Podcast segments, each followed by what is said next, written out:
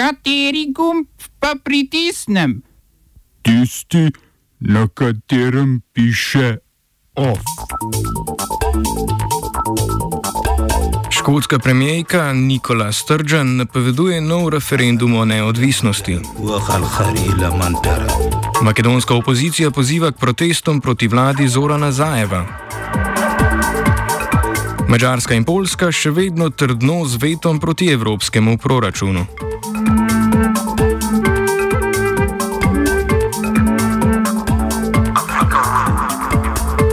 Škotska premijejka Nikola Sturgeon je napovedala, da bo na škotskem po novih parlamentarnih volitvah, ki bodo maja, potekal še referendum o neodvisnosti od Združenega kraljestva. Predvideva, da bo omenjeni referendum o neodvisnosti potekal v začetku prihodnjega štiriletnega sklica škotskega parlamenta. Škotska nacionalna stranka SNP, na čelu katere je premijejka, bi tako zmago na volitvah tolmačila kot strinjanje državljanov o razpisu novega referenduma o neodvisnosti. Na zadnjem referendumu o neodvisnosti od Združenega kraljestva leta 2014 so Škoti to možnost zavrnili s 55 odstotki glasov proti. Premijejka tokrat računa na spremembo politične klime zaradi brexita, to politično kalkulacijo pa podpirajo tudi javnomnenjske raziskave, ki kažejo na podporo škotski neodvisnosti. Lyndon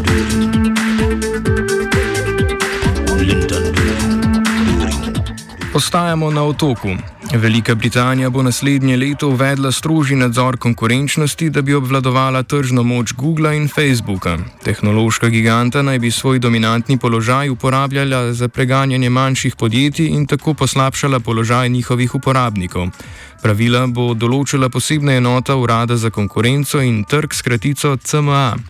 V CMA so letos navedli, da potrebujejo novo zakonodajo, da bi lahko omejili monopolistične poslovne prakse omenjenih podjetij.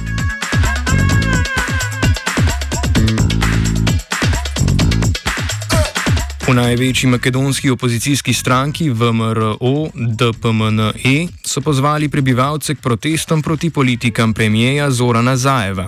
Obtožili so ga razprodaje makedonskih nacionalnih interesov. Kot so navedli, vlada in Zaev kupčujeta z našim jezikom, narodom, identiteto in zgodovino. Vodja opozicijske VMRO DPMNE Kristjan Mickoski je Zajeva tudi pozval naj odstopi. V intervjuju za bolgarsko tiskovno agencijo BGNES je Zajev govoril o prizadevanjih svoje države, da bi Bolgarijo prepričala v umik blokade začetka pristopnih pogajanj z Evropsko unijo. Med drugim je povedal, da Bolgarija med drugo svetovno vojno ni bila okupatorska sila, ter da sta državi bili prijateljski, a je za slabe odnose med njima kriva nekdanja Jugoslavija.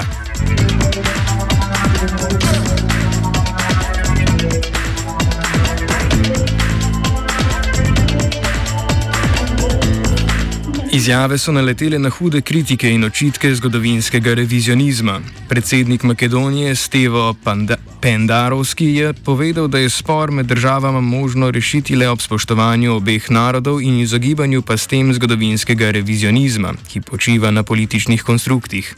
Bolgarija blokira vstop Makedonije v EU zaradi vprašanj povezanih z jezikom in identiteto. Zahteva namreč naj Makedonija prizna, da sta jezik in identiteta tamkajšnje države umetna tvorba iz časov Jugoslavije. Za Bolgarijo je makedonski jezik dialekt bolgarskega. Za potrebe uradnih besedil Evropske unije predlaga poimenovanje uradni jezik Republike Severne Makedonije.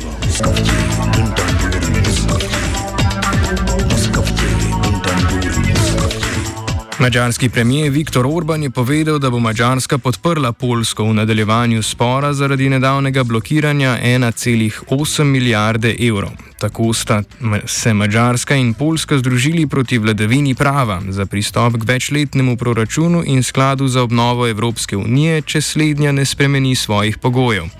Orban je v izjavi za javnost v Budimpešti ob prisotnosti polskega premijeja Mateuša Moraveckega povedal, da se debata ne more rešiti z denarjem. Povedal je še, da so tisti, ki povezujejo vprašanje vladavine prava in financiranja v krizi, neodgovorni, saj so takrat potrebne hitre odločitve za pomoč gospodarstvu. Premijeja predlagata dvotirno reševanje spora, da bi se finančni paket sprejel po hitrem postopku, ločeno pa bi začeli pogovore o spremembah pogodbe Evropske unije. Dodal je, da je potreben razgovor o tem, ali je treba vzpostavljati zvezo med vladavino prava in finančnimi interesi Unije. Oba, če, če bom odgovoril na angliški.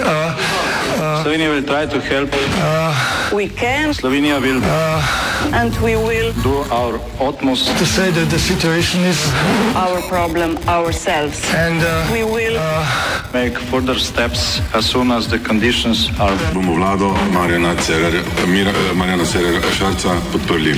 Zelo, zelo resno. From Slovenija. We know how and we will.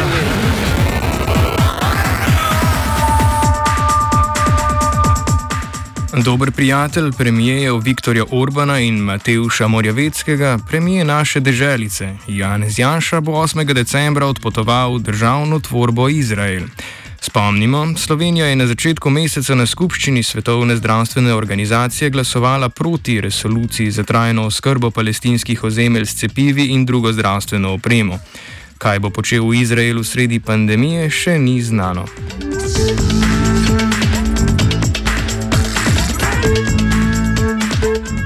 Omenja pandemija in rekordna smrtnost v naši državi prav tako nista ustavili Janševe vlade, da se ne bi pripravljala na odprtje slovenskih smučišč. Janez Janša meni, da smučanje v rokavicah in čeladi ter vožnja z žičniško napravo in masko ne bi smela predstavljati zdravstvenega problema. Slednji Janša je sicer direktor smučišča Krvavec.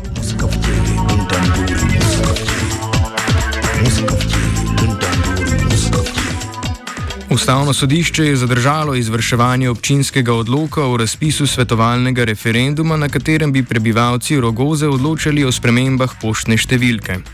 Na pobudo vlade, da preveri ustavnost in zakonitost razpisanega e-referenduma v občini Hoče, Slivnica, tako občani o tem ne bodo mogli odločati to nedeljo, kot je bilo predvideno. Krajevna skupnost Rogoze je predlagala, da bi sedanjo poštno številko 2204, ki sicer pripada sosednji občini Miklauž na Dravskem polju, zamenjali za poštno številko 2311. Temu nasprotuje Ministrstvo za javno upravo, a tudi Ministrstvo za notranje zadeve občini ni želelo predati volilnega imenika. Vlada je namreč mnenja, da občina ne razpisuje referenduma o vsebini, ki sodi v njeno pristojnost. Še zlasti problematična pa je elektronska oblika glasovanja, ki je referendumska zakonodaja ne predpisuje. Ministrstvo očitno ne moti referendum v Rogaški Slatini, kjer bo kljub epidemiološki situaciji 13. decembra prišlo do običajnega fizičnega glasovanja. Voljivci pa bodo glasovali o postavitvi slavnega razglednega stolpa.